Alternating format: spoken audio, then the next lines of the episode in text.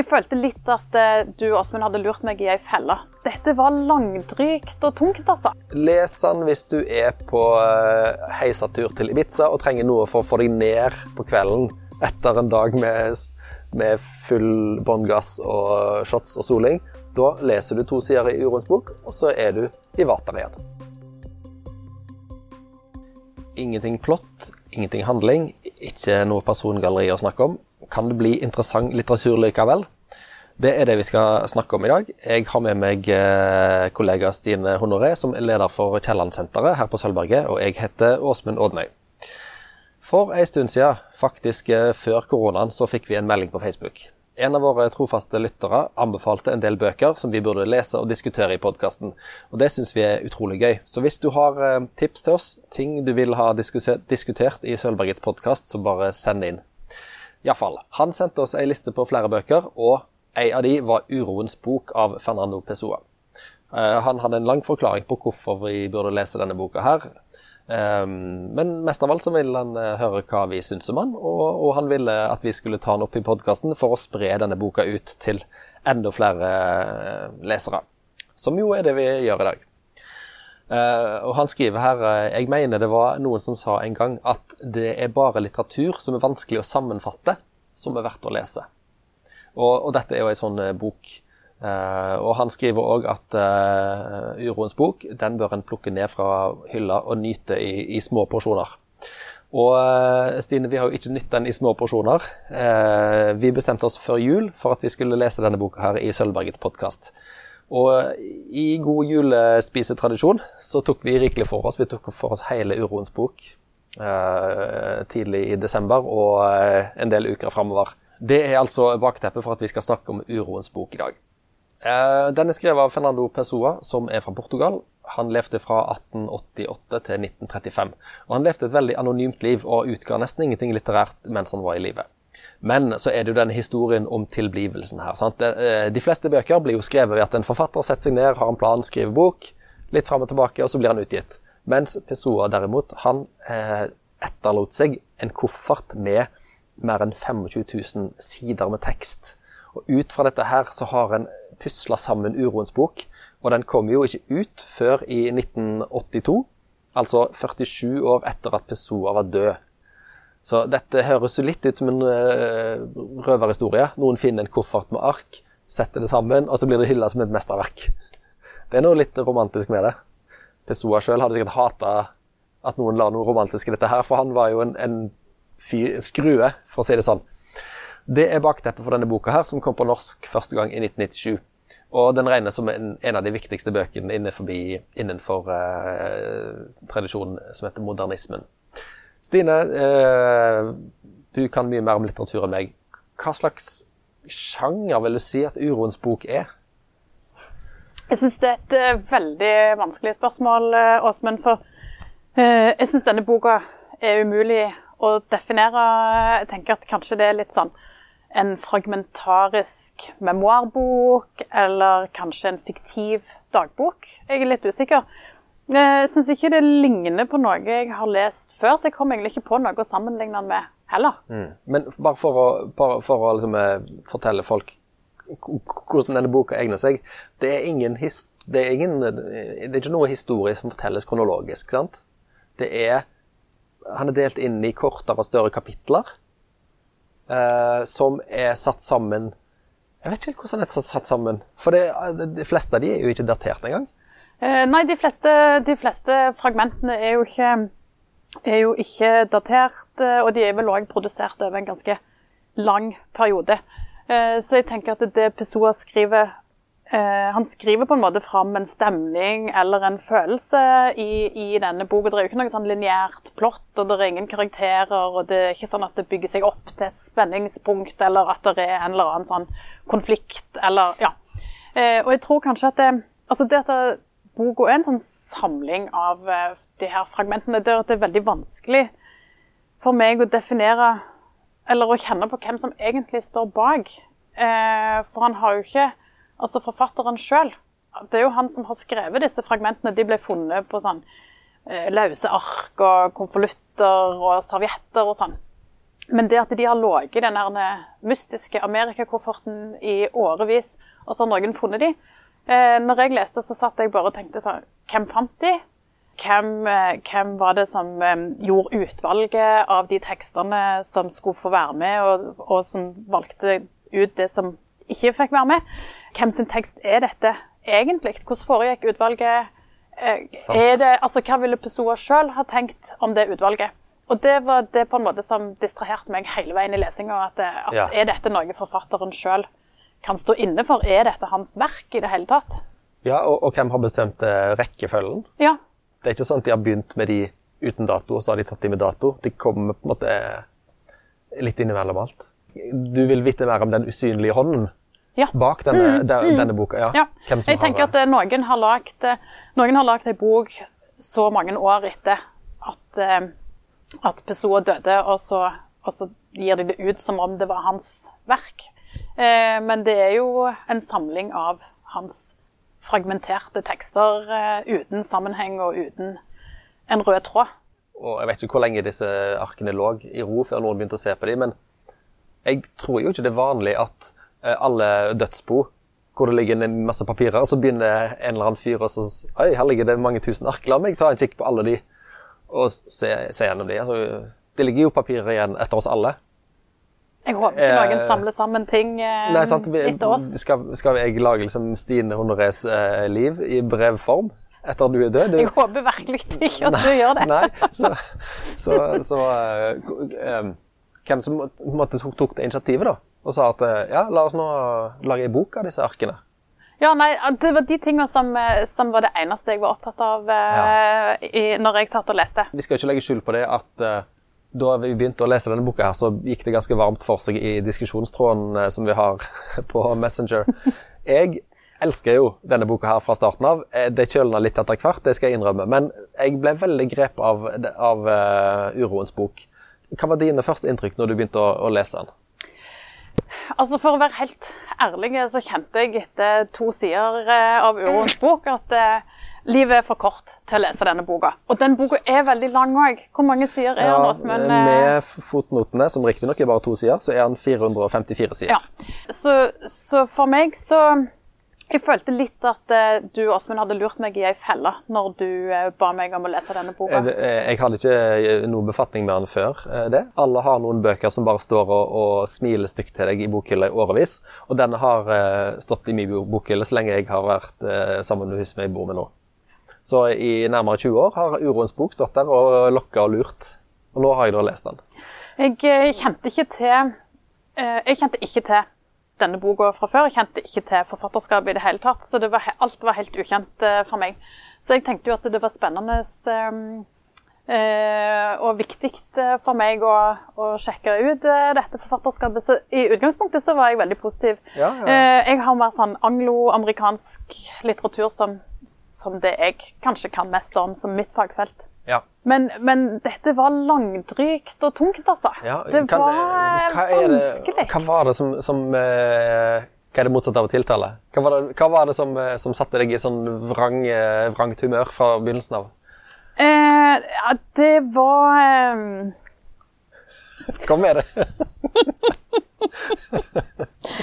Altså, eh, en av de tingene som jeg syns var veldig irriterende med denne lesinga, var at du var så positiv, Åsmund. For Ja. du syns jo at dette var Um, eh, Du syns jo det var en, en glede å lese denne boka, og du syns det var en eh, ikke, Hva var det ordet du brukte? Du sa det var en eh, Ja, Jeg husker, Det var et eller annet adjektiv som var Ja, stort og du flott. var, du var veldig fornøyd. Du, du likte språk eh, så for godt, Ja, og du ja. syns liksom at, det, at språket var vakkert, og det at det var disse små fragmentene eh, med ulike betraktninger om livet og, Ja. og lidelse og angst eh, Mye og lidelse og uro og den slags. Ja. Men for meg så ble det sånn at eh, Pessoa blir omtalt som en sånn poetisk modernist, og, og blir vel hylla mye for den språkbruken sin, og at han skriver så vakkert. Men for meg så var ikke det nok, eh, eh, og jeg tror kanskje at jeg har innsett om meg sjøl som leser nå, at jeg, eh, at jeg nok krever litt mer eh, Jeg krever et plott. Jeg trenger en, Ja. en hovedperson eh, som jeg forstår hvem er, og jeg trenger mm, jeg trenger eh, at, at det er noe handling som driver, som driver teksten framover. I hvert fall Ja. når den er nesten 500 sider Ja, lang. jeg forstår. Eh, og så syns jeg at kanskje Nå er jo ikke det altså Det er jo ikke Pessoa som har valgt ut disse tekstene, så, men kanskje Hvis du er mann og liker å skrive mye om deg sjøl, så kan du kanskje dele det opp i flere små bind, eh, sånn som andre menn som skriver lange bøker om seg sjøl, pleier å gjøre. Eh, tenker sånn Knausgård og Prost og sånn. De har jo mange bind. Ja. Det ble litt sånn massivt, og, og jeg, akkurat som jeg møtte en sånn barriere etter Ja. to sider. Etter to sider, men eh, da har det vært ei hard leseøkt for deg, forstår jeg. Hvis jeg ikke hadde vært en del av dette her, hvis du hadde bare plukket den opp sjøl, så hadde du irritert deg like mye. Ja, ja, det var ikke ja. min entusiasme som Nei. førte at du ble Nei. sur, håper Det var ikke meningen å legge min, eh, min manglende forståelse for dette mesterverket over på, på deg. Men jeg ble helt utslitt av å lese den. Ja, for noen år siden så var det en som heter Christian Kjellstrup, som ga ut uh, ei bok som heter Uroens kokebok. Har du hørt om den? Nei. Det er ei bok hvor han har portrettert 100 nålevende forfattere i mat. Og han Jo, har portrettert dem med den matretten som ordspillet henspiller på. Så han har på en måte, han har lagd majonesbø. Han har lagd Tom Eggeland med egg. Han har lagd Henrik Ripsen med rips. Frode Grøten med grøt. Og selvfølgelig Fernando Pølsoa i pølser. Så, og, og samme Christian Kjelstrup har jo også hatt eh, dette stuntet Uroens bokhandel, hvor han hadde en pop-up bokhandel i Oslo, hvor han kun solgte denne boka. Han hadde pallevis med Urons bok eh, på Bislett i et lite forretningslokale, hvor han solgte denne boka, bare den. Eh, andre forfattere, som som Thomas Espedal, har sagt at han har lest Urons bok regelmessig i tolv år. Kan du forstå hva det er med denne boka som gjør at noen blir helt be besatt av den? Nei. Eh, nei, egentlig ikke. Eh, men eh, Jo da, nei, jeg skal svare skikkelig. Uh, jo, jeg kan forstå det. Fordi at jeg syns jo det er jo et fascinerende prosjekt, og det er jo et fascinerende forfatterskap. Og jeg, jeg ser han jeg ser jo at han er flink til å skrive at språket er vakkert og flott. Så jo, jeg forstår det. Og jeg syns det som er interessant med boka, er jo òg at han er veldig sann. At Pessoa tydeligvis er veldig sånn en mann av sin tid. Eh, Han er jo et veldig sånn produkt av den tida han levde og skrev. Eh, Selv om han hadde et veldig kort liv, så, så er han jo eh, et veldig sånn godt eksempel på, på modernismen og på, på det som vi regner som, som modernistisk litteratur. Ja. Så det gjør han jo veldig interessant. Ja. Eh, og òg det der er Altså det litt sånn mytiske med, med forfatteren sjøl, og han døde av skrumplever, og den der Amerikakofferten med alle fragmentene. Altså det er jo, det er jo fascinerende, eh, den fortellingen rundt bok òg. Sant. Det er det jeg ser den. Men hvis vi skal prøve å forklare folk, da. Hva er det han skriver om? Det er ikke handling, det er ikke noe plott. eh, Det er nesten ingen markører av Han skriver vel innimellom at han er i forskjellige byer i Portugal, men det er lite samtidsmarkører i det hele tatt i denne boka. Hva er det han skriver om på disse 450 sidene? Han skriver jo om, eh, om seg sjøl, eh, og han skriver om, eh, sånn som jeg sa tidligere, han skriver fram en sånn følelse eller en stemning, og det er jo mye lidelse og angst og uro i dette her, i denne jeg-personen. Men det er jo det òg som er litt sånn vanskelig med denne forfatteren og dette forfatterskapet, at vi vet jo ikke hvem jeg-personen er. Eh, For han bruker jo disse heteronymene sine som Ja, Da må vi ta en liten eh, ja. litteraturviter-timeout. For heteronym, hva, hva, hva betyr det? Ja, nei, altså Vi er jo vant med at eh, forfattere kanskje skriver en roman under et pseudonym, eh, at de bruker et fiktivt navn. eh, Men det Pessoa gjorde, eh, var at han, at han lagde sånne forfatterpersoner, eh, fiktive forfatterpersoner som hadde et navn, og som hadde en fortelling, og som hadde et ståsted, og kanskje en, en måte å skrive på. Ja. Eh, og, så, og så bruker han de eh, til å skrive deler av tekstene sine. Men nå kjenner jo ikke jeg så godt til de andre tekstene heller, men sånn som jeg har skjønt det, så hadde han opp mot 100 ulike sånne forfatterpersoner ja. eh, som gestalter ulike sider av, av hans forfatterskap, eller av han sjøl. Ja. Ja, dette er jo eh, veldig kult. For Hvis vi skal både illustrere det enda mer, så er det på en måte at hvis du, Stine, skulle skrive ei bok, så hadde du bestemt deg for at det er ikke jeg, det er jeg Stine, som skriver, men jeg lager meg en, en forfatter, Stine, og den forfatteren Stine heter Berit Olsen. Og Berit Olsen skriver sånn, og så har du en annen Stine-figur som heter Laila Nilsen, som skriver sånn. Det, og dette, dette, høres jo litt sånn uh, arty-farty ut, men det er jo veldig vanlig innenfor uh, musikk, f.eks. Elvis Costello heter jo ikke Elvis Costello, men han, han, trengte å lage seg en figur som kunne være sint på slutten av 70-tallet. Og det var ikke Declan McManus i stor grad, men da lagde han denne Elvis Costello, som kunne synge om hvor urettferdig alt var, hvor kjipe alle var med han. Men, og det gjør jo òg at, eh, at, denne boka på en måte blir enda mer eh, mystisk og fragmentert. Og når vi, ikke, altså, vi vet at det er Pessoa som har skrevet mm. tekstene, men mm. han har skrevet det gjennom et av disse heteronymene, og så er det noen andre som vi ikke vet hvem er, som har samla de sammen til slutt. Um, det blir en veldig lang tråd fra, eller veldig mange ledd fra den boka vi har lest, til personen som levde en gang tidlig på 1900-tallet i Portugal, ja. som, som mm. skrev de arkene som noen har valgt ut, satt sammen, og så oversatt til norsk. og så men det det jeg syns er litt sånn Det det jeg syns er, er, gøy med boka, da, at, at um, at det er veldig sånn typisk eh, sånne problemstillinger som en var opptatt av i modernismen og i den tida han skrev at det, altså hvem, hvem er jeg egentlig, og hvem, hvem er det som taler, og eh, hvem eh, Hva vil det si å være et menneske? Altså, han tar jo opp noen av de, av de sentrale spørsmålene som kanskje ikke var så lette, eller som en, som en prøvde å besvare på en annen måte i modernismen enn en hadde gjort før. Da, og det å bryte med, med sånne tradisjonelle måter å å skrive en roman på og, og lage en helt ny type tekst. Ja. For å reflektere at en plutselig levde i en helt annen verden enn det en hadde gjort på 1800-tallet f.eks. Det som slo meg med, med Pessoas bok, er jo at uh, han har så mange gode sånne enlinjere. Altså så, det er så mye av det som står her, som kunne vært sånne der, uh, memes på Instagram. Ja. Deprimerende memes. altså, og mange formuleringer så jeg tenkte at åh, har sånn, akkurat sånn har jeg følt det. Jeg har bare ikke klart å formulere det så bra som han gjør. Var det ingen sånne ting som slo deg? Jo, eh, absolutt. Men jeg tror kanskje at, det, at mye av det forsvant òg. For det var, det var, for mye, det var for overveldende, og det var liksom Kanskje, ja. kanskje det burde vært en sånn Pessoas sitatbok. Eh, noen burde lagd det istedenfor uh, istedenfor um, den her tjukke. det kunne du. Eller en sånn eh, Instagram-konto som heter bare Pessoa Quotes. Absolutt. Uroens konto. Eh, Uroens konto. Mm. Kunne blitt en sånn omvendt Trygve Skaug. Ja. Dagens litt nedtrykkende sitat ja. som bare er helt tatt på kornet. Det tror jeg kanskje noen faktisk burde gjøre. Mm. Ja. Pessoas eh, Instagram-konto. Men eksempel, eh, jeg, jeg har plukket ut noen gullkorn. Dette her er sånn Åsmund, 17 år, bare formulert mye bedre. Side, fra side 106. Jeg har alltid vegret meg for å bli forstått. Å bli forstått er å prostituere seg. Men hva det betyr?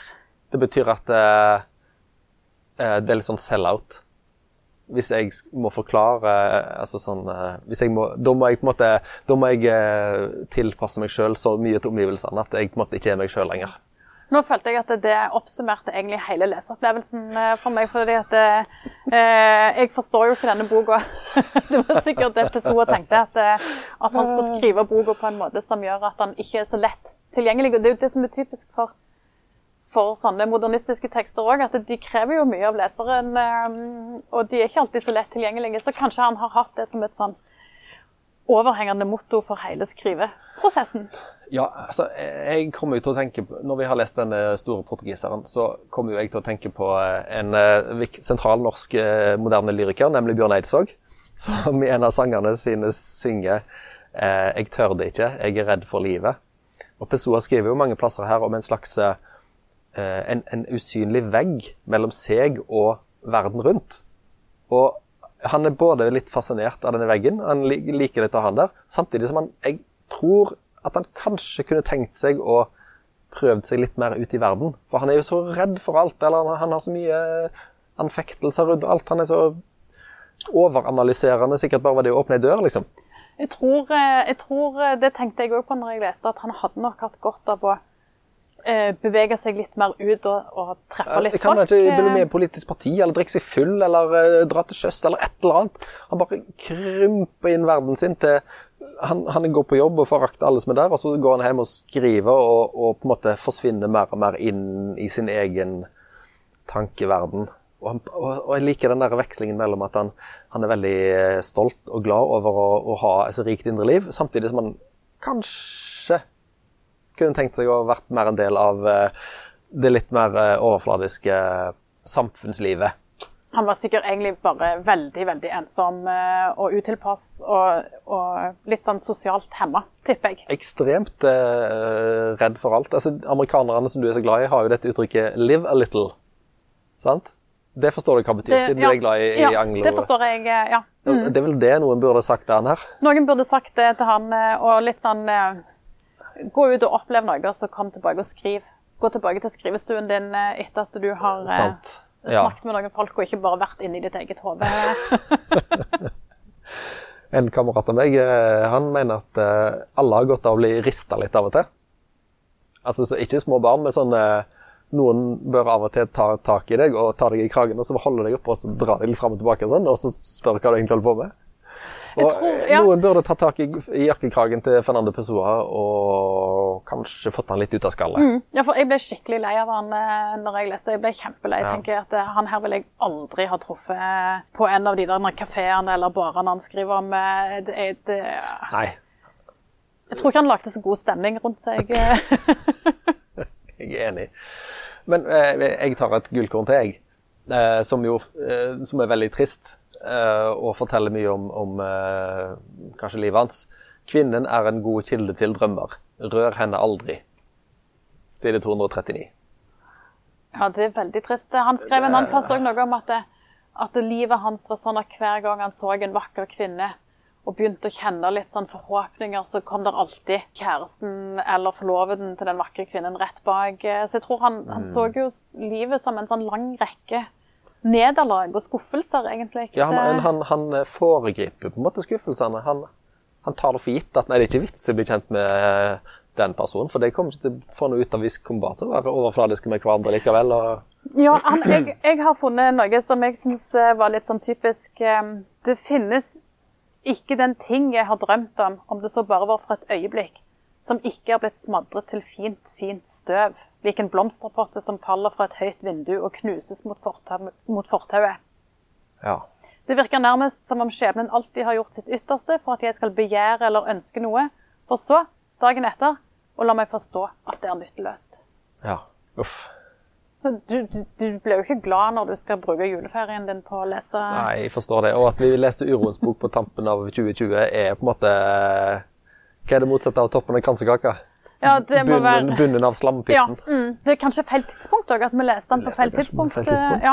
Må kanskje mm. lese den når vi er litt sånn eh, høyt oppe av en eller annen grunn. Mm. Hvis det noen gang skulle skje. når vi ikke er isolert hjemme sjøl òg. Ja. Eh, ja. ja. Uh, og så skriver han òg Vi kan aldri elske et annet menneske. Vi elsker de forestillingene vi skaper oss om en annen, og elsker følgelig bare oss selv. Ja, det, han elsket seg sjøl, egentlig. Det, det, føler jeg at han, han, var jo veldig opptatt av seg sjøl. Eh, så selv om han skriver sånn foraktfullt om seg sjøl og, og, på en måte eh, fordømmer seg sjøl og, og syns at han er et mislykka menneske, så liker han jo veldig godt eh, han, han, er jo litt sånn begeistra for å være den typen eh, som sitter alene på det rommet og, og lider og ja, ja, ja. føler og føler og føler. Ja, ja, det, det, Han kommer seg ikke ut av dette. Han hadde hatt godt av noen venner og noen ting å, å, å engasjere seg i, kan vi vel si. For mm. hobbypsykolog-diagnosen på Fernando Pessoa. Hvis vi skal se litt videre her, da. Eh, Pessoa er jo en av Portugals eh, største forfattere. Eh, José Saramago er en annen. Han fikk nobelprisen i litteratur, faktisk, i 1998.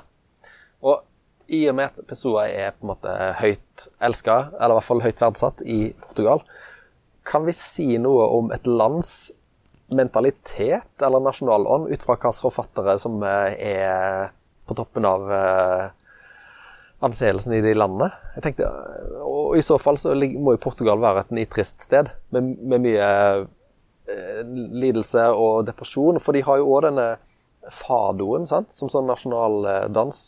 Eh, og dette har jeg funnet på Wikipedia. Fado ble først sunget av portugisiske sjøfolk med hjemlengsel.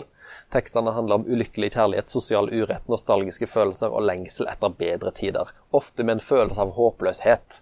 Musikken formidler ofte en trist stemning og blir ofte sunget på grensen til gråt. Altså Hvis du etter å ha vært på Fado-aften, og så går du hjem og leser Uroens bok, så Har du da fanga den portugisiske folkesjelen, er det det du tenker? Det er det jeg lurer på. Ja. Jeg, jeg tenker jo at alle som er nede ved Middelhavet at De er ikke ved Middelhavet, men de er i, de er i Sør-Europa. At de har noe sånn uh, joie de vivre uh, Jeg tenker òg at Portugal er liksom en plass der du reiser på ferie, og alt er gøy, og du kan bade. Litt kaldt i sjøen. Liksom, ja. men, eh, men jeg er litt usikker, men hvis en ser på et bilde av denne Pessoa, Ja. så ser jo han ut som en ekstremt lite lystig fyr òg, da. Eh, men eh, men eh, nei, jeg er veldig usikker på, eh, på eh, hva dette sier om, om den portugisiske folkesjelen. Jeg håper Jeg håper at, at det er litt mer glede. Jeg litt håper, at de, angst. jeg håper at de lager lettbeinte komedier og sånn kikker litt på portugisisk, og at det fins en portugisisk Bridget Jones, liksom. At de, de har noe sånn ha-ha-ha, gøy og tøysete litteratur som, som minner de på at, at uh, litteraturen vår stansa ikke opp i 1935. Dette vet jeg ingenting om, men uh, jeg kom til å tenke på eh, denne tynne teorien min om forfatter og nasjonal ånd kobla sammen. sant? Danskene har jo H.C. Andersen som sin store dikter i, på verdensbasis. Og han det er jo formidling av fantasi, eh, grenseoverskridelse. Han har òg litt sånn sosiale perspektiver med, med piken med svovelstikkene. Og det der keiserens nye klær. Ja, ha, ha, ha, vi ler av autoritetene, og vi Ja. Det er en forfatter jeg ville vært veldig komfortabel med å ha hatt som nasjonalskald. Sant? For det, det, ja, den danske Hvis, hvis H.C. Andersen er vår mann ute i verden, så, så forteller diktningene hans om mange verdier som jeg vil støtte opp om. Mm, ja, den Eh, stygge eh, andungen. Ja, Ja, sant? mm. Alle kan få det til, og, og alt det der. Veldig sånn sosialdemokratisk og fint, egentlig. Nettopp. Det- Ja. Mens, mens hvis min mann er Pessoa, så, så, og, så tenker jeg liksom at åh, er det denne selvopptatte, deprimerte karen som skal være liksom min eh, litterære spydspiss i verden, så, ja. Ja, men dette verket er jo liksom, ble jo regna inn på sånne lister over de 100 viktigste verkene i litteraturhistorien og sånn, så Og du hadde ikke hørt om det? Uh, Nei. Jeg har ikke brukt så mange år på å studere litteratur. Det- det- Nei, nei. nei, nei, nei. Men uh, uh, så da, noen må jo tenke at det sier noe om det å være menneske, og ikke bare det om å være portugiser. men men, det, det, det må en tro, ja. ja, men jeg, jeg, jeg har ikke vært i Portugal. Nei, ikke jeg heller. Og hvis det er sånn at de synger fado og leser den boka, så gidder ikke jeg reise heller. Da kommer til og med nordmenn til å bli sett på som livlige. Ja. Eh, Da vil til og med Ibsen eh, framstå som en skøyer når han kommer ned i det selskapet. Ok, Vi skal gå litt inn for landing her. Eh, hvis dere ikke har skjønt det ennå, så skal vi sammenfatte denne boka og kanskje Pes- Pessoa sjøl. Eh, jeg har eh, valgt ut noen mellomtitler fra avslutningen av boka. Der er eh, mellomtittelen f.eks. 'Millimetre', i parentes 'Fornemmelser av de små ting'. Og så kommer mellomtitlene 'Likegyldighetens estetikk', 'Smertefullt intervall', 'Apokalyptisk følelse', og så til slutt 'Mismotets estetikk'. Åh, jeg kjenner jeg blir så sliten bare av å eh, høre mellomtitlene. Det Kan han ikke bare være litt glad, liksom? Tenker jeg. Ja. Stine, hva, hvordan vil du oppsummere episoden i form av noen sitater? Ja, jeg har, jeg har et sitat her som jeg føler sier ganske mye om hans, eh, om hans eh, personlighet. Og kanskje er litt usikker om vi skal trekke den parallellen til den portugisiske folkesjel. Det kan eh, kanskje lytterne sjøl avgjøre, eh, de som kjenner Portugal litt bedre enn oss. Men, men han skriver dette. Jeg misunner alle mennesker det faktum at de ikke er meg. Denne meningsløsheten har alltid stått foran meg som den største av dem alle, og den har mer enn noen annen spilt hovedrollen i min hverdagsangst og uro, og fylt alle mine triste stunder med fortvilelse. Som en gjenstand kastet bort i et hjørne, som en fille slengt på bakken.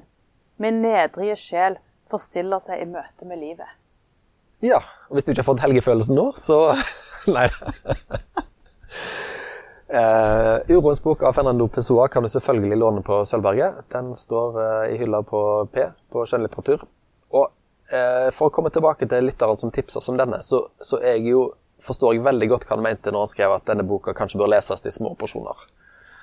ikke les den i ett strekk, og iallfall ikke les den på tampen av et år med pandemi.